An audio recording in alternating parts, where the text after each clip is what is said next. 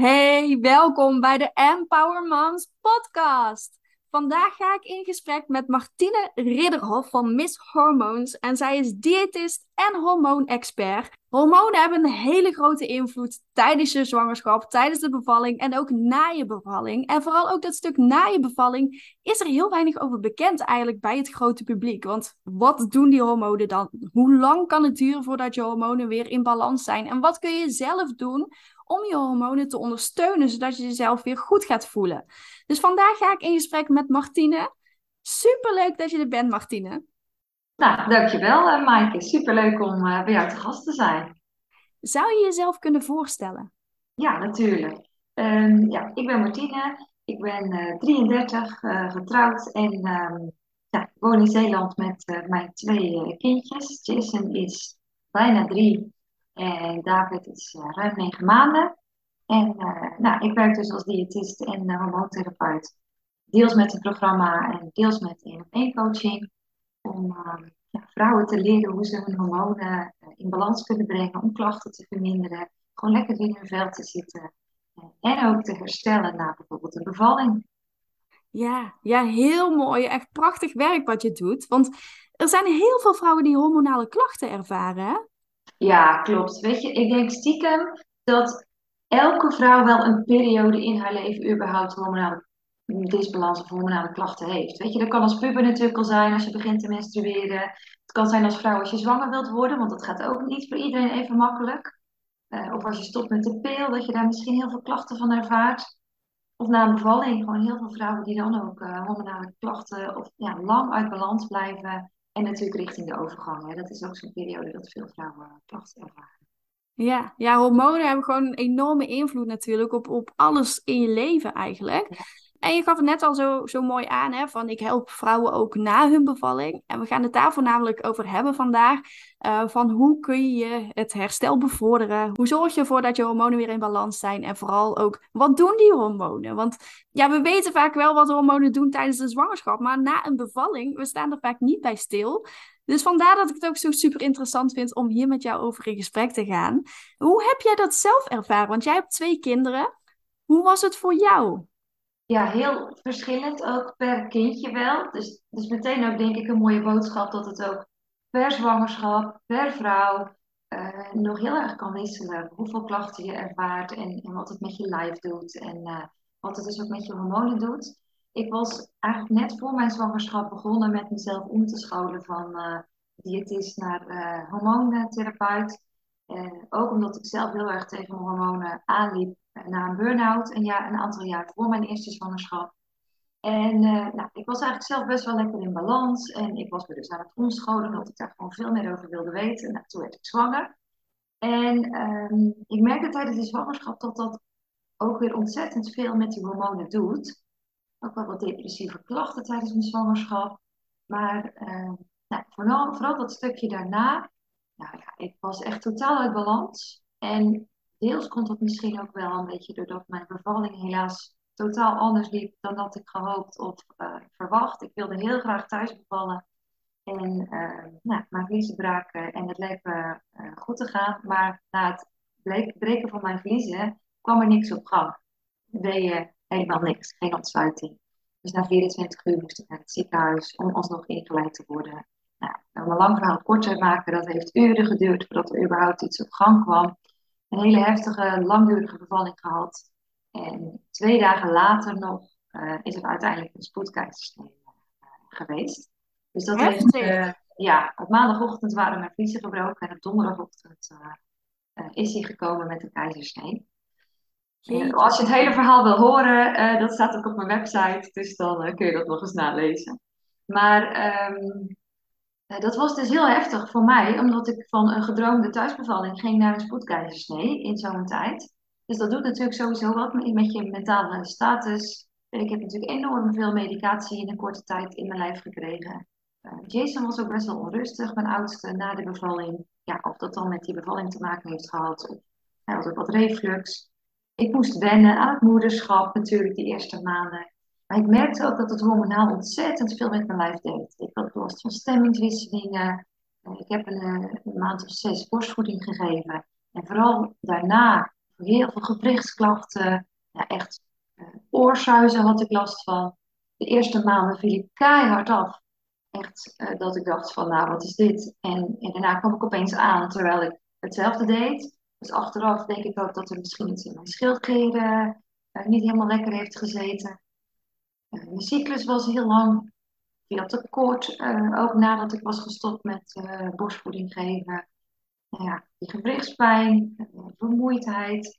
Eigenlijk allerlei, ja, allerlei vage klachten waarvan ik dacht, wat moet ik hier nu mee? En toen ben ik ook wel naar een orthomoleculair therapeut gegaan. Iemand die ik kende. Ik zat zelf natuurlijk ook een beetje in die wereld omdat ik zelf aan het omscholen was. En toen heb ik wel testen laten doen. En uh, in de reguliere zorg kwam ik eigenlijk niet echt verder. De huisarts zei, ja, ga maar aan de pil, dan ben je er misschien vanaf. Dat is ook iets wat ik bij heel veel klanten terug hoor. Hè? Ga maar aan de pil, want dan ben je misschien van je krachten af.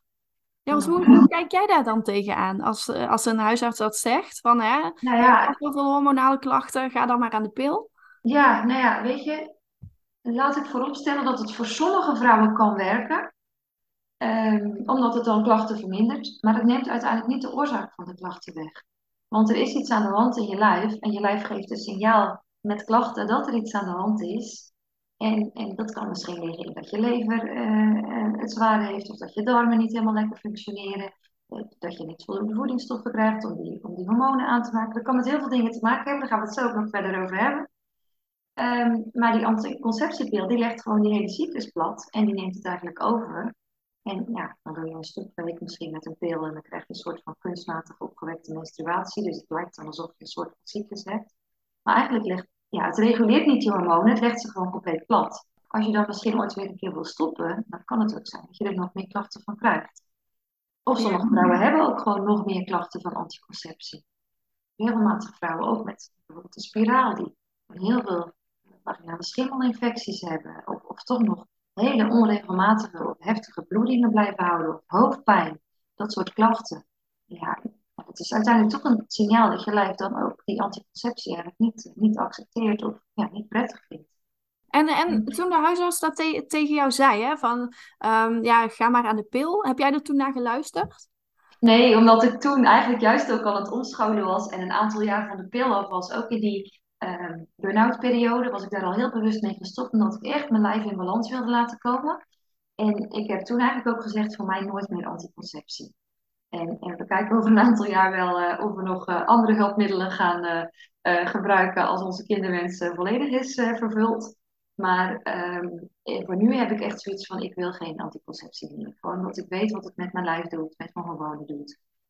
en ik ga dan liever voor die natuurlijke balans en nou, achterhalen wat de oorzaak is van eventuele klachten, in plaats van dat met een pilletje dempen of oplossen.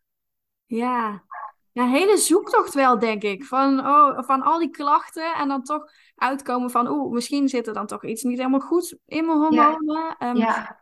Dat is ook best wel lastig, denk ik, om dat verband te leggen. Van, oh, al die klachten, waar komt dat dan vandaan? Ja, tuurlijk. En het heeft met allerlei factoren dan ook te maken. Hè? Met, ik bedoel, ja, wat ik dus zei, die bevalling was pittig. En een pittige periode met, met een refluxkindje. Zelf de balans zoeken als moeder is natuurlijk met een eerste kindje ook alles is nieuw.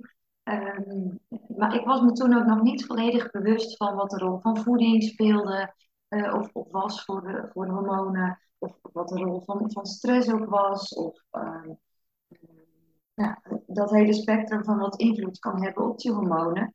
En uh, ik had toen wat testen gedaan en ik kwam er ook achter dat ik een progesterontekort had.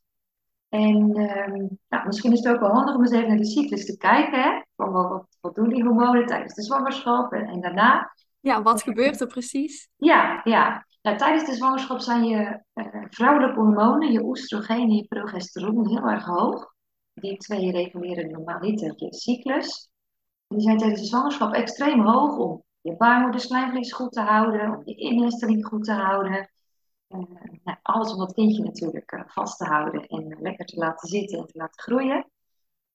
En na je bevalling zakt dat echt tot een soort van dieptepunt er wordt ook gezegd dat gedurende je bevalling en daarna, dat die eerste 24 uur, dan heb je echt de grootste hormonale wisseling die je in je hele leven maar kan hebben.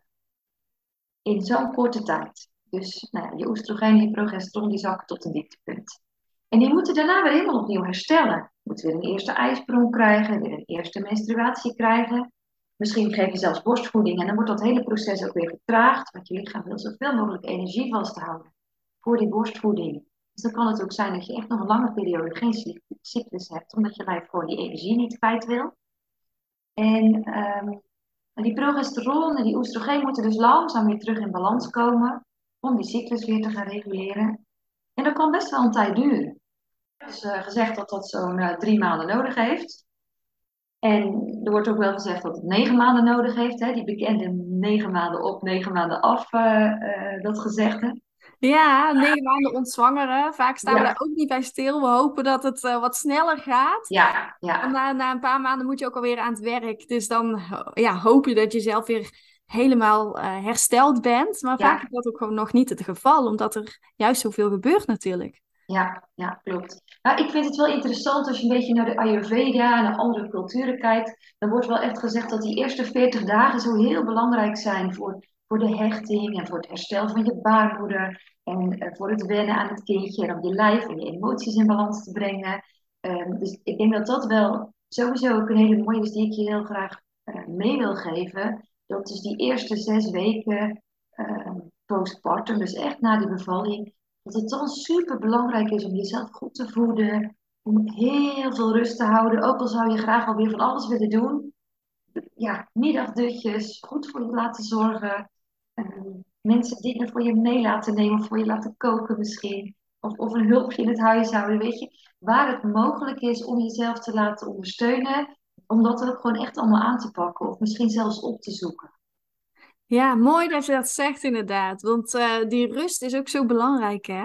Ja. Ja. ja. stress heeft een enorme invloed. Dus als je dan meteen heel veel dingen gaat doen terwijl je lijf er ook eigenlijk nog niet klaar voor is, of je bent in je hoofd met allerlei dingen bezig, dan ja. verstoor je die balans dan eigenlijk? Ja, juist wel. Want er wordt ook niet voor niets gezegd dat je eigenlijk ook het liefst tot zes weken moet wachten voor je bijvoorbeeld weer zwaardere sporten gaat doen. niet alleen na een keizersnee, maar ook na een gewone bevalling. En laten we heel eerlijk zijn, tijdens de zwangerschap krijgen we ik weet niet hoeveel controles voor ons kindje. En daarna is er misschien één controle en dan is het klaar. Terwijl eh, als je een knieoperatie uh, krijgt, dan ga je een heel revalidatietraject door. En, Bizar. En, ja, ik zag laatst een plaatje en uh, na een zwangerschap is er, of na een bevalling, is er gewoon een wond ter grootte van een uh, ontbijtbord. Zit er gewoon in je baarmoeder, hè? Moet je steriliseren ja. dat je zo'n grote wond hebt aan de binnenkant. Ja, dat, uh, dat is gewoon heel bizar om over na te denken. Dat er zoveel ook gebeurt. Ja. Dus daarom is die rust inderdaad al heel belangrijk om het goed te kunnen herstellen. Precies, precies. Alleen om die baarmoeder te laten herstellen is het zo ja. En, en ik vind dat het soms wel bijna een wedstrijd lijkt wie het snelst op de benen is en wie het snelste al uh, een half uur kan gaan wandelen achter die wagen. En weet je, als je jezelf goed voelt, is dat prima. En als, het, als je dat graag wil en, en je hebt er geen klachten bij, of je voelt je ook alweer zo snel goed, is dat super fijn. En moet je natuurlijk dat ook gewoon lekker doen. Maar als dat niet zo voor jou voelt, laat je dan vooral ook daar niet door ontmoedigen. Want het is juist super belangrijk om naar je lijf te luisteren. En als je pijn of klachten ervaart, om dan ook echt heel rustig alles op te bouwen. Ja, heel goed dat je dat zegt. Want vaak zijn we geneigd om inderdaad snel weer op de been te zijn. Van alles te gaan doen wat we voorheen ook al deden. Ja. En dit is juist de periode dat je je rust mag pakken. Je hebt zo'n prestatie geleverd. Dat is uh, fantastisch. Maar het kost ook heel veel kracht en heel veel energie. En je, het heeft je lijf heel veel gekost. Dus geef je lijf inderdaad die tijd om goed te kunnen herstellen. Ja. Want die tijd komt nooit meer terug. Nee, precies, precies. Ik was me daar bij de eerste denk ik nog niet genoeg van, uh, van bewust. Dus toen zat ik ook heel erg te kijken naar hoe snel andere moeders in balans waren. En hoe snel die buik dan alweer geslonken was. Want laten we eerlijk zijn, heel veel vrouwen willen natuurlijk na, een periode ook weer zo snel mogelijk al die, al die zwangerschapskilo's kwijt. En ja, ook daarin denk ik, weet je, um, um, we hadden het net over te snel weer dingen willen doen. Dat is ook een vorm van stress voor je lijf elke keer door die pijn heen gaan, eh, te weinig slapen, jezelf niet goed voeden, dat is ook een bepaalde vorm van stress. En stress is wel echt een van de grootste boosdoeners ook voor jouw uh, cyclushormonen om die in balans te brengen. Het stresshormoon wordt uit dezelfde basisstofjes aangemaakt als dat ook bijvoorbeeld je cyclushormonen worden aangemaakt. Dus op het moment dat je ontzettend veel stress hebt, gaat het ook gewoon ten koste van je cyclushormonen. Dus eigenlijk probeer zoveel mogelijk die stress te beperken. Ja, ja. En hoe doe je dat? Ja, weet je, het is natuurlijk altijd een balans tussen stress en ontspanning. Een beetje stress is ook helemaal niet verkeerd, dat is ook prima. Maar om dus wel voldoende slaap, voldoende rust, voldoende ontspanning daar tegenover te zetten. En daarin dus ook te kijken wat je samen met je partner of, of met familie of met vrienden, uh, ja, waar ze je een beetje in kunnen ontlasten. Zodat jij ja, of een uurtje extra slaap kan pakken, uh, of eventjes een momentje voor jezelf kan nemen. Uh, yoga kan heel erg fijn zijn om echt even in je lijf te zakken. Of meditatie. Wat voor jou prettig is om echt even die ontspanning te krijgen. Ja, en slaap is natuurlijk sowieso al ontzettend belangrijk, de eerste periode. Want uh, slaapgebrek ja, hoort er gewoon bij als je een jonge baby hebt. Ja. Dus dan is het nog belangrijker om momentjes te pakken voor jezelf. Om uh, daadwerkelijk even een uurtje te rusten of uh, bij te komen. En daarin geef ik mijn klanten wel eens een tip. Weet je, we, we staren ons soms een beetje blind op die 7 tot 8 uur slaap die we dan gemiddeld nodig zouden hebben. Ja, de eerste periode, dan kom je daar never nooit niet aan. Of je komt er wel aan, maar je wordt iedere twee uur uh, onderbroken. Uh, en wat dan wel kan helpen is dat er is een soort van regel dat als je minimaal vier tot vijf uur onafgebroken slaap hebt, dat je dan echt al in een goede herstelfase voor je lijf zit. Dus dat het bijvoorbeeld wel fijn kan zijn om samen met je partner of nou, met iemand die je zou kunnen ontlasten, af te spreken dat je bijvoorbeeld één of twee of drie avonden in de week of om de avond op tijd naar bed kan en dat de laatste voeding dan door iemand anders wordt gedaan, zodat jij bijvoorbeeld die vier, vijf uur al wel een aantal keer in de week uh, kunt gaan pakken, om dan toch die dagen echt het herstel voor je lijf te pakken. Ja, en met borstvoeding is dat vaak dan ook nog wel een ja, uitdaging. Lastiger. Ja, ja. klopt. Flesvoeding is natuurlijk makkelijker om dat uit handen te geven. Maar borstvoeding, dan zul je al snel moeten kolven. Ja. Ja, ik ben dat op een gegeven moment zelf wel bewust gaan doen, maar dat is natuurlijk een keuze. Hè? Je, moet, je kiest natuurlijk voor live of voor, voor golf of wat dan ook. Dat is aan ieder aan zich. Wat ik zelf wel prettig vond, is dat ik dan s'avonds gewoon één keer goed leegkolfde. Dat ik er een aantal uur tegenaan kon. En dat mijn man dan dat flesje kon geven. Uh, enerzijds ook omdat mijn kindje dan een beetje aan de fles gewend raakte. En dan één flesje dus per dag kreeg. Uh, om, ja, wanneer ik dan weer ging werken, dat hij wel ook gewend was om af en toe een flesje gekolfde borstvoeding te krijgen. En ook dat proces naar het wennen aan de fles dus even iets gemoedelijker ging. Of dat hij daar niet zo moeite mee had. Want dat hoor je natuurlijk ook nog wel eens, dat dat wat strijd op kan leveren. Dus uh, ook daarin is natuurlijk, ja, een beetje kies je eigen weg daarin, wat je zelf fijn ja, mooie tip inderdaad. En wacht ook niet te lang. Ja, vaak wachten mensen voordat ze gaan werken, hè, die, die week voordat ze gaan werken. Oh, we beginnen met het flesje te introduceren en dan krijg je dus al die problemen. Ja. Um, ja, dus het is een hele mooie tip. Mooi dat je dat aanhaalt. Goed om uh, daar vroeg al mee te beginnen. Ja. En wat, wat ervaren de meeste vrouwen tijdens het ontzwangeren? Wat, wat voor klachten ervaren zij? Nou ja, je kunt het eerste wel een beetje herkennen aan bijvoorbeeld je cyclus uh, wordt die al regelmatig. En regelmatig is dan ongeveer 28 dagen. Weet je, een paar dagen langer of korter is ook prima. Uh, maar als je merkt van nou, die wordt wel wat regelmatiger, is dat een signaal dat je lijf wat meer in balans aan het raken is. Uh, maar de signalen rondom je cyclus kun je ook wel echt aanhouden. Weet je, heb je nog heel erg last van die PMS-klachten, premenstrueel syndroom, net voordat je menstruatie doorbreekt, dat je een heks bent, dat je niks kunt hebben, dat je prikkelbaar bent, of misschien zelfs angst of depressieve klachten hebt, uh, hoofdpijn, opgeblazen, vocht vasthouden. Als dat echt nog wel een ding is voor die menstruatie, of misschien echt wel een, een periode tijdens de cyclus, is dat ook een teken dat je nog niet helemaal in balans bent. En als vrouwen dan bijvoorbeeld, stel dat ze borstvoeding geven en die menstruatie komt pas na een aantal maanden, bijvoorbeeld na 13 maanden. Ben je dan nog steeds zeg maar, aan het ontzwangeren na zoveel maanden? Ja, ja, zeker. Want ook wanneer je, eigenlijk gaat het bij borstvoeding iets soort van gemoedelijker, die, dat herstellen van je balans. Want uh, dan, ja, dan smeer je het eigenlijk uit over een soort van langere periode. Maar ook wanneer je stopt met borstvoeding, kan het zijn dat je daarna toch nog wel een ja, vaak wat kortere periode hebt. Dat ook die cyclus toch weer even terug in balans moet komen.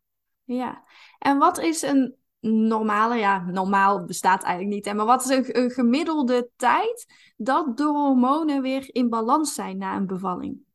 Ja, er wordt dus gemiddeld gezegd dat je met, met twee, drie maanden de grootste hormonale disbalans wel een soort van gehad hebt. En dat je met negen maanden kunt zeggen dat je, nou ja, ontzwangerd bent. Maar er is dus eigenlijk nergens letterlijk een onderzoek die aantoont dat dat klopt. En het is dus ook zo dat het voor elke persoon anders is. Ik heb een aantal maanden geleden een, bo een uh, bolletje gedaan in mijn, op mijn Instagram. En dan heb ik aan vrouwen gevraagd van nou, hoeveel, na hoeveel maanden was je weer uh, in balans? En volgens mij hadden eens van 140 of 150 vrouwen dat, uh, dat bolletje ingevuld. En ik had hem net nog eventjes opgezocht om de resultaten nu te kunnen delen, wat het gewoon interessant is. En er was iets van 10% die zei, binnen drie maanden voelde ik me weer in balans. En 10% die zei, binnen zes maanden voelde ik me in balans. En um, uh, even kijken, 10 2020. Volgens mij was er dan 30%, nee, 20% die voelde zich binnen een jaar in balans. Dus uiteindelijk totaal was er maar 40% die zich in een jaar in, binnen een jaar in balans voelde. En de overige 60% die voelde zich pas na een jaar in balans. Zo. Dus duurde het gewoon langer dan een jaar bij. Dat is echt heel lang eigenlijk, hè? Als je er zo ja. over nadenkt. Ja, ja ik, geloof, ik ben ook echt wel uh, steeds meer overtuigd van het feit dat we een zwangerschap en een bevalling en het ontzwangeren uh, totaal onderschatten. In de zin van hoeveel energie en hoeveel voedingsstoffen het ook kost van je lijf. Ja, want stel dat je dan ook vrij snel weer zwanger wordt, ja. dan heeft dat ook een enorm effect. Want dan ben je eigenlijk zelf nog niet helemaal hersteld. Je bent nog niet in balans. Je hormonen zijn nog uit balans. En dan word je weer zwanger, wat dus ook heel veel kracht en energie van je lijf kost. En dus ook weer al die hormonen erbij komen kijken. Ja. Dus eigenlijk is dat ook niet zo goed, toch? Om dan nee. snel weer ik, ik zie ook regelmatig vrouwen die bijvoorbeeld twee, drie, vier kindjes in nou, een aantal jaren hebben gekregen. En die dan eigenlijk ja, zich daarna gewoon lange tijd heel slecht voelen. Of nou dat, dat het ontzwangeren bijvoorbeeld na die laatste gewoon echt jaren kan duren. Omdat het eigenlijk gewoon het ontzwangeren van alle kindjes bij elkaar is. Ja. En, en weet je, bij een keizersnee wordt er gezegd van nou, probeer in ieder geval een jaar te wachten om uh, zwanger te worden. Omdat natuurlijk dat litteken aan de binnenkant helemaal goed moet herstellen. Maar eigenlijk als je puur kijkt naar alle uh, vitamines en mineralen, uh, vetzuren, alle voedingsstoffen die weer aangevuld moeten worden in je lijf heb je eigenlijk anderhalf jaar de tijd na zwangerschap nodig. Als je al goed eet en weinig stress hebt en voldoende rust hebt, dus aan al die dingen kunt voldoen, heb je dus anderhalf jaar nodig om daarvan te herstellen, voordat je eigenlijk naar een nieuwe zwangerschap aan kunt gaan, lichamelijk. Jeetje, oh, waarom wordt hier niks over verteld? Ja, ja, Dat zou iedereen moeten weten, toch? Ja, ja klopt. Ja, bizar. En dan nog, weet je, het kan natuurlijk je keuze zijn om, er, om geen anticonceptie te, anticonceptie te gebruiken en het los te laten wanneer je weer zwanger wordt. En als het je gegeven is, is het natuurlijk prachtig. Maar als je het niet alleen goed voor jezelf, maar eigenlijk ook goed voor je kindje wil doen, want je geeft je kindje natuurlijk ook weer die voedingsstoffen mee. En, en dat gaat, eigenlijk wil je een goede voorbereiding voor jezelf als moeder, maar je wil ook een goede voorbereiding voor je kindje. Want je geeft je kindje vitamine D mee en calcium om de botten op te bouwen. Uh, vetzuren, omega's, om die hersenen op te bouwen. Nou ja, die wil je eigenlijk toch zo goed mogelijk aanvullen of aangevuld hebben om uh, een gezond kindje op de wereld te zetten. Ja, absoluut. Ja, we slikken dan wel zwangerschapsvitamines. Ja. En uh, dan hopen we dat we het daarmee redden. Maar vaak wordt er inderdaad niet getest na een zwangerschap van... oh, hoe staat het met jouw vitamines? Hè? Van, is dat allemaal nog wel in balans? Nee, nee. Hoe fijn zou het zijn als dat gewoon aan iedere zwangere of iedere bevallende vrouw standaard wordt aangeboden. Ja. Dat zou toch mooi zijn, ja. Ja, en voornamelijk als je klachten ervaart. Ja. Eigenlijk zou de eerste test dan moeten zijn: hoe is het met je vitamine D? Hoe is het met je ijzer? Hoe is het met je zink en je selenium? Dat zijn allemaal mineralen die gewoon ontzettend veel verbruikt worden tijdens de zwangerschap. Ja. En, en een aantal vitamines ook. Weet je, eigenlijk zou je dat al willen testen. Ja, mooi. En, en wat heeft allemaal effect op je hormonen? Want er zijn best wel wat hormoonverstorende stoffen natuurlijk ook in onze leefomgeving allemaal. Ja, ja. Um, wat heeft daar allemaal effect op?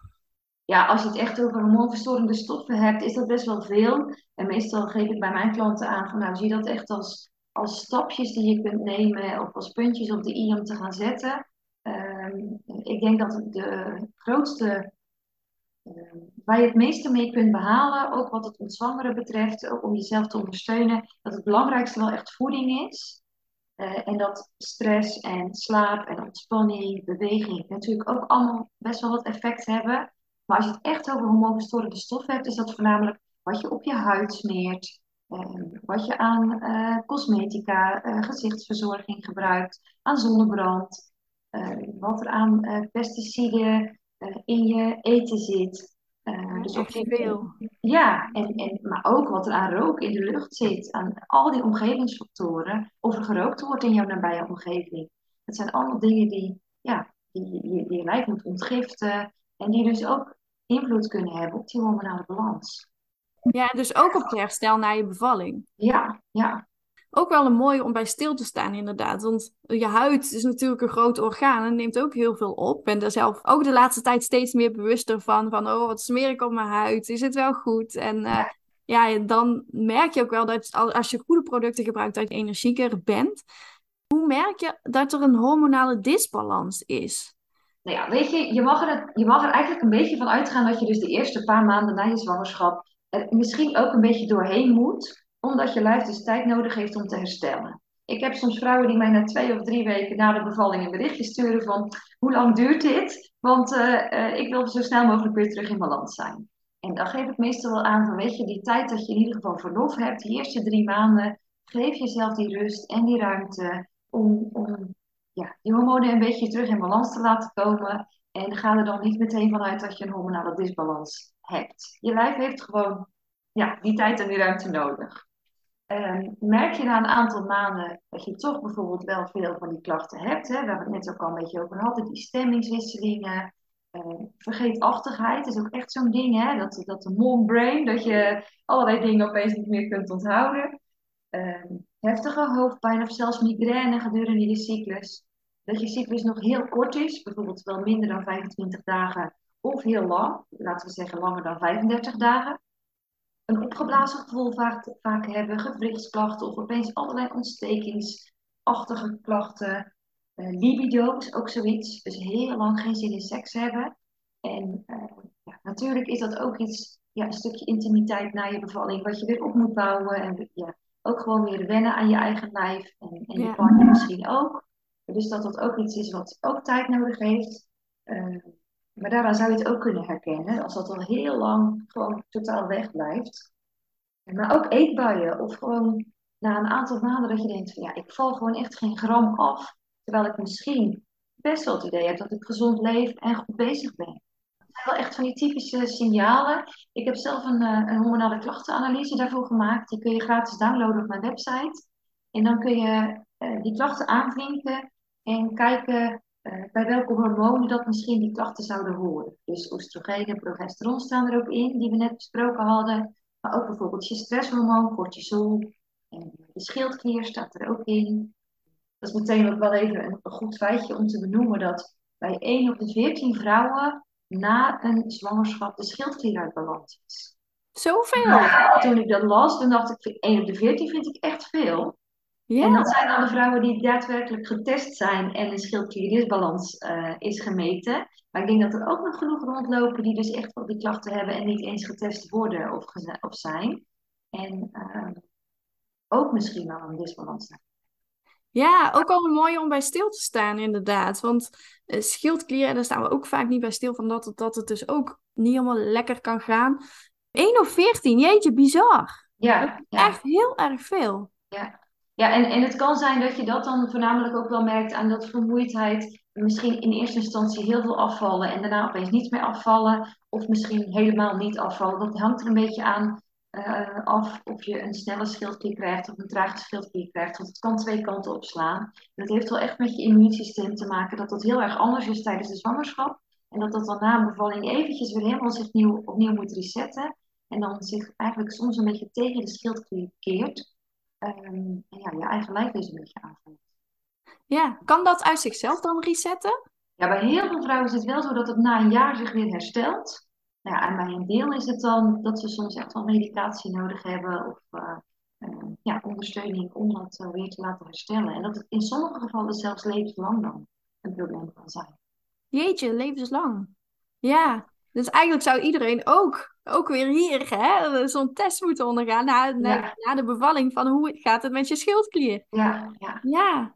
Ik hoor heel veel mooie dingen die, uh, die voor heel veel verandering kunnen zorgen. Ja, ik ben eigenlijk verbaasd dat er allemaal nog niet wordt gedaan. Terwijl hormonen zo belangrijk zijn en dat zoveel effect heeft op je gemoedstoestand ook. Op hoe jij je voelt. Ja, ja, ik noem meestal de dingen, het, het heeft heel veel effect op je energie, heel veel effect op je humeur Eh, en heel veel effect op je gewicht. Dat dat wel een beetje de belangrijkste dingen zijn waar heel veel klachten onder vallen, laat maar zeggen.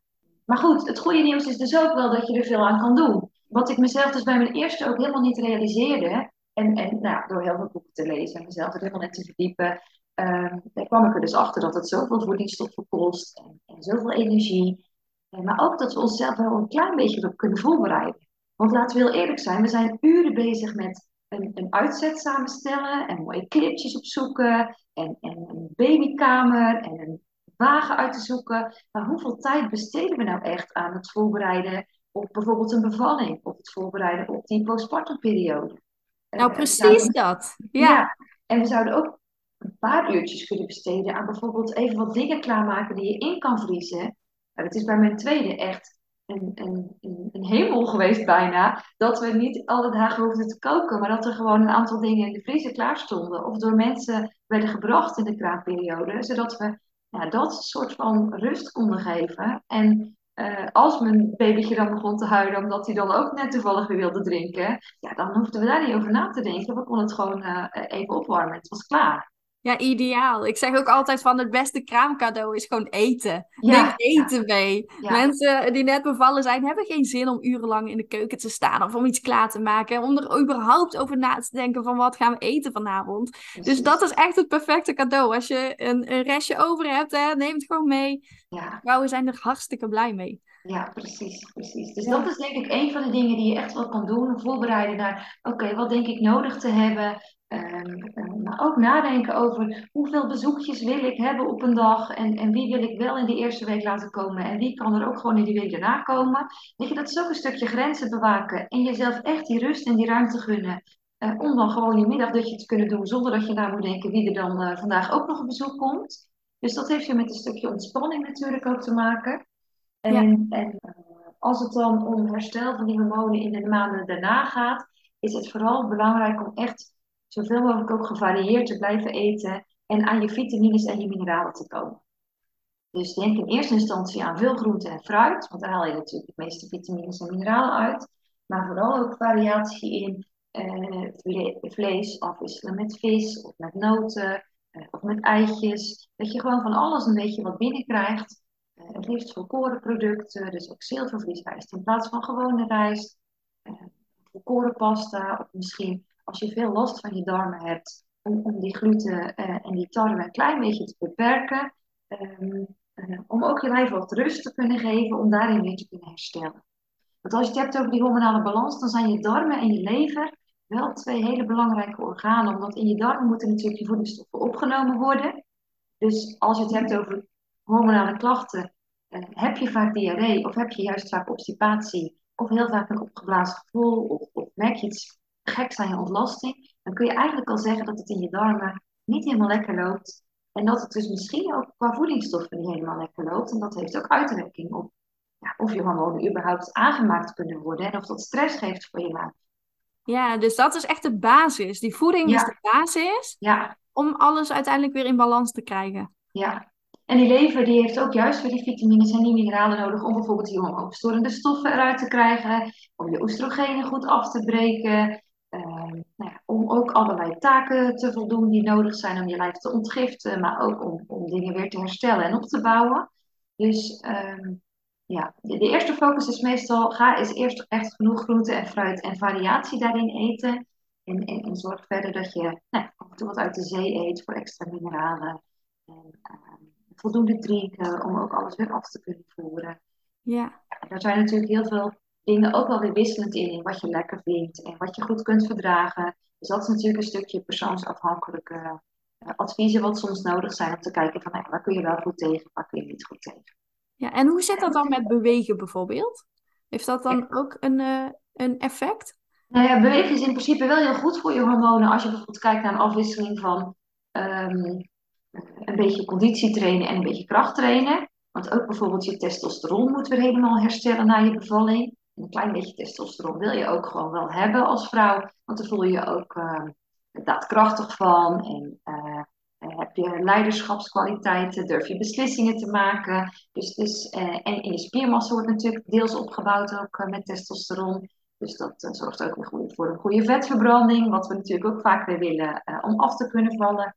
Dus, um, maar ook daarin is het dus heel belangrijk om naar je lijf te luisteren. Eerst beginnen met wandelen, met, en als het lukt met fietsen, als het lukt met zwemmen, yoga-oefeningen, ademhalingsoefeningen, om, om het bekken weer te versterken. En dan pas te kijken wat je met krachtoefeningen kunt opbouwen. En dan hoef je zeker niet uh, vijf keer per week in de sportschool te gaan staan. Maar dan kan het wel heel fijn om bijvoorbeeld twee keer in de week gewoon eens een half uurtje uh, oefeningen thuis te doen met een uh, YouTube-video bijvoorbeeld. Ja, slim. Ja, want als je een klein babytje hebt, dan wil je ook niet een uur naar de sportschool bijvoorbeeld. Nee, dus dat is heel nee. fijn om gewoon zelf iets thuis te doen. Precies. Ik ben ook wel benieuwd, nu we het allemaal over, over hormonen hebben, hoe jij dan aankijkt tegen hormonale anticonceptie. Wat is jouw Ja. daarop? Daar hebben we natuurlijk aan het begin van het eh, gesprek een beetje over gehad eh, eh, of, of het mijn keuze was of Ja. niet. Het ligt er natuurlijk wel een beetje aan welke anticonceptie je kiest en of dat dan de pil is of een spiraal of, of een koperspiraal bijvoorbeeld. Maar van de meeste hormonale anticonceptie kun je dus zeggen dat het, dat het je cyclus platlegt. En, en dat het dus eigenlijk daarin niet zo heel veel doet om je balans te herstellen, maar je gewoon een soort van continue balans krijgt. Eh, dus ja, dat kan wel helpen om, eh, als je heel erg die wisselingen voelt in je hormonen, om dat soort van te stabiliseren. Maar het reguleert dus niet die cyclus, het legt hem plat. Ja, En je krijgt continu een soort van ja, synthetische vorm van hormonen binnen, die je lever ook weer moet ontgiften. En eh, waar je darmen eigenlijk ook weer niet zo heel blij mee zijn. Dus als je daar al problemen ervaart, is het eigenlijk veel beter om gewoon echt aan die balans vanuit ja, natuurlijke hulpmiddelen te gaan werken. ja. En, en hoe, kijk je dan aan tegen niet-hormonale anticonceptie? Bijvoorbeeld die koperspiraal? Ja, bij een koperspiraal, eh, dat, dat kan dan prettig zijn, omdat je dan toch nog wel een beetje die hormonale eh, balans krijgt of houdt na de bevalling. Maar de koperspiraal heeft weer andere mogelijke bijwerkingen. En voor de ene geldt dat dus wel en de andere niet. Maar ja, er zijn ook vrouwen die daar hele heftige bloedingen van hebben. Eh, of bijvoorbeeld heel vaak vaginale schimmelinfecties. Ja, en dan eh, denk Ja, je, dat waar komt het nu steeds vandaan? En, en dan heeft dat ook gewoon wel met die spiraal te maken. Ja, ja. Dus inderdaad goed letten op wat, wat je lijf ervaart, wat je lijf wil zeggen. Ja, ja. En net als bijvoorbeeld een Mirena, daar zit veel minder eh, hormonen in dan een eh, anticonceptiepil over het algemeen. Ehm, maar goed, het is wel weer een kleine hoeveelheid hormonen waar je lichaam elke dag mee moet dealen. Het is iets wat eigenlijk niet lichaams-eigen is, wat in je lijf zit. Dus ehm, nou ja, echt optimaal werkt je lijf daar niet mee.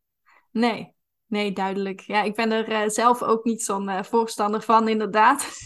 Ik heb zelf ook heel veel nare ervaringen ermee gehad. Ik heb daar ook een podcast over opgenomen. Mocht je het Oh interessant ja, vinden om te luisteren over mijn ervaringen daarover, ook over de koperspiraal. En ehm, nu ook besloten van het is, het is genoeg. Ik ehm, gebruik nu even niks. ja, En eh, ja, even goed mijn lijf herstellen. Van ja, kijken van hoe gaat het dan? Wanneer, wanneer is het in balans? Eh, Ik ervaarde heel veel stemmingswisselingen, PMS-klachten, heel veel ontstekingen. Dus ja, dan is het ook het teken natuurlijk van je lijf van ja, het is, eh, het is genoeg geweest. ja. Ja, Ja, en weet je, in heel, in de, ik laat de keuze altijd wel bij iemand zelf. Want daarom zeg ik, er zijn echt wel af en toe mensen die er wel goed op reageren. Mhm. En die bijvoorbeeld bepaalde hele hevige klachten hebben, die dan toch een beetje onderdrukt kunnen worden. Nou ja, als dat dan de manier voor jou is die voor jou werkt, helemaal prima. Maar ik ben voorstander van, nou, waar zit nou de disbalans? Wat is de oorzaak van de oorzaak achter ja, klachten? En, en, en eerst eens kijken wat je daarmee kan doen. En, en ik denk dat het wel mooi is om dan toch ook het stukje supplementen nog even te noemen. Dat je met supplementen ook in dat stukje ontzwangeren echt nog wel ehm, ja, jezelf daarin ook wat extra kan ondersteunen. Ik geloof dat de basis wel echt ligt in een gezond voedingspatroon. Dat als je elke dag naar de Mac gaat en je slikt daarnaast supplementen, dan heeft dat niet zo heel veel zin misschien.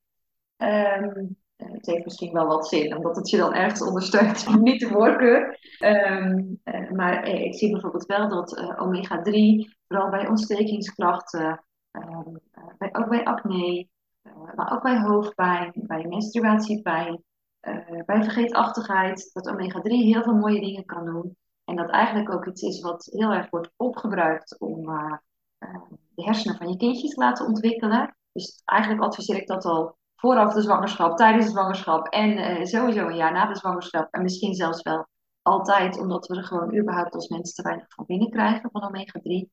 En datzelfde geldt eigenlijk ook een beetje voor magnesium. Dat is eigenlijk ook wel een van de wondermineralen die op heel veel dingen kan helpen. Ook bij, bij stemmingsklachten, bij spierklachten, uh, bij, bij stressachtige klachten. Er wordt gewoon ook heel veel magnesium verbruikt bij ons.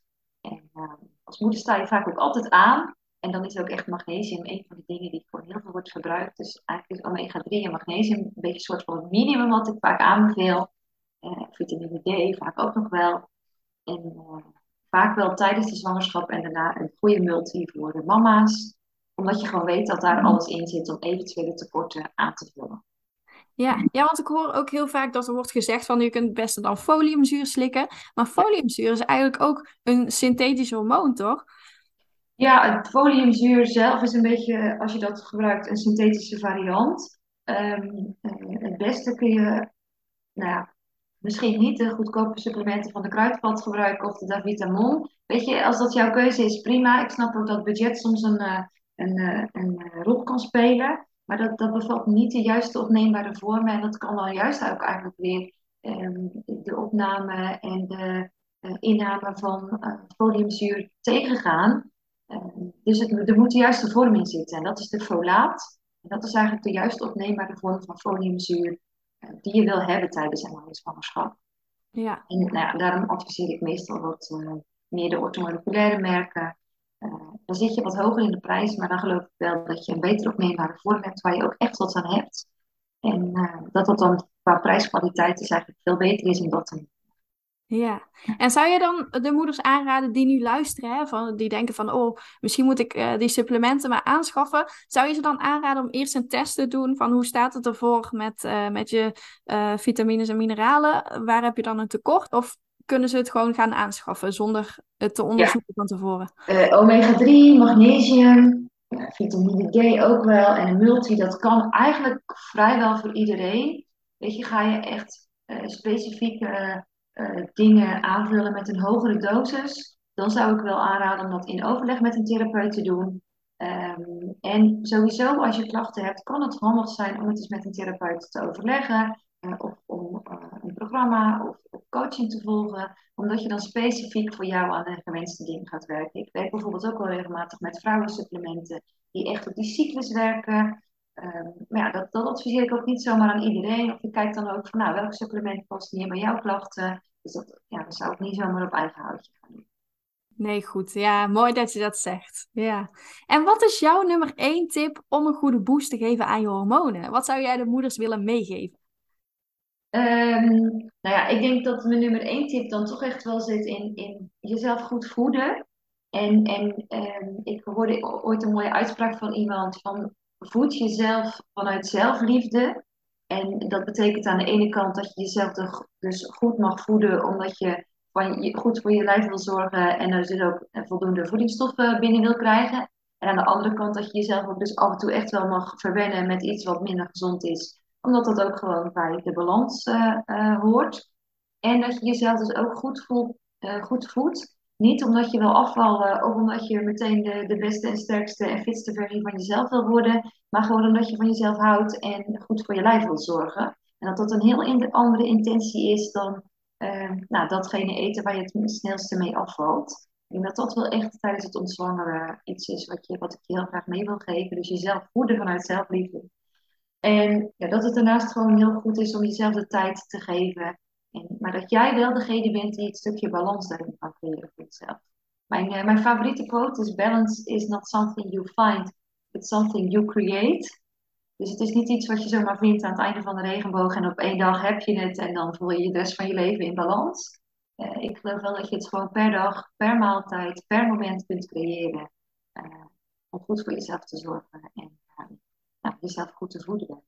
Ja, was het maar zo simpel, hè? Van uh, hè, hier is het stukje balans. Als je dit neemt, dan ben je in balans. Maar ja, ja. zo werkt het niet natuurlijk. Nee, dus het blijft denk ik ook wel een, een zoektocht. En uh, ja, wat werkt wel, wat werkt niet. Dat hou je denk ik als moeder toch. Want elke fase van je kindje veranderen ook weer hun behoeftes. Um, uh, er wordt gezegd van, nou ja, de babyfase kan pittig zijn, maar uh, wacht maar tot ze peuter zijn of, of anders. Dan heb je weer andere dingen waar je tegenaan loopt. Of dan is het met het koken misschien weer een andere uitdaging. Dus weet je, dat balans is nooit iets wat altijd hetzelfde blijft, maar waar je continu mee mag meeveren en meebewegen. En, en steeds voor jou de juiste weg mag vinden, denk ik.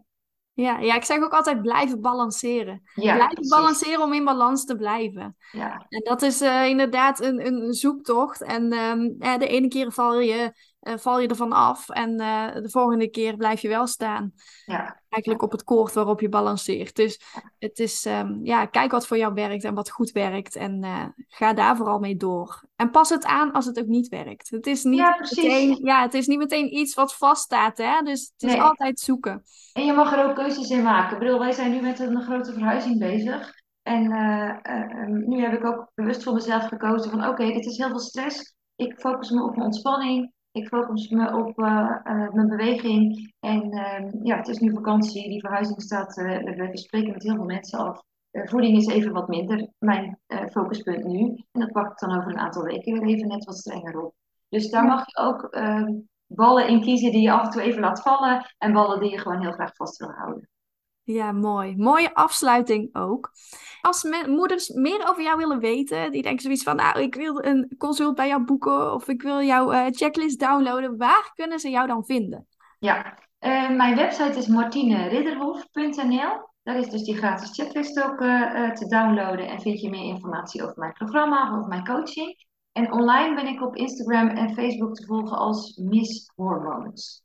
Dus ehm, nou, daar deel ik ook van alles over mijn leven als moeder, als coach. eh, en tips natuurlijk over voeding, hormonen, uh, allerlei dingen. Ja, aanrader om te volgen. Ik vind het altijd super interessant. Nou, leuk, dankjewel. Ja. Dus eh, mocht je contact willen opnemen, ga dan naar de website van Martine. Um, dankjewel Martine voor je openhartige gesprek en voor alle tips die je hebt gedeeld tijdens deze podcast. Ik denk dat we heel veel moeders hiermee hebben kunnen inspireren. Vooral ook omdat er zo weinig over bekend is over wat die hormonen nou eigenlijk doen en hoe je dat zelf kunt ondersteunen. Dus ik hoop dat we moeders hier wat meer bewust van hebben kunnen maken om hier uh, ja, zelf de regie over te nemen. Willen jullie meer weten over mij en over Empower Moms? Ga dan naar empowermoms.nl. Bedankt voor het luisteren en tot de volgende keer.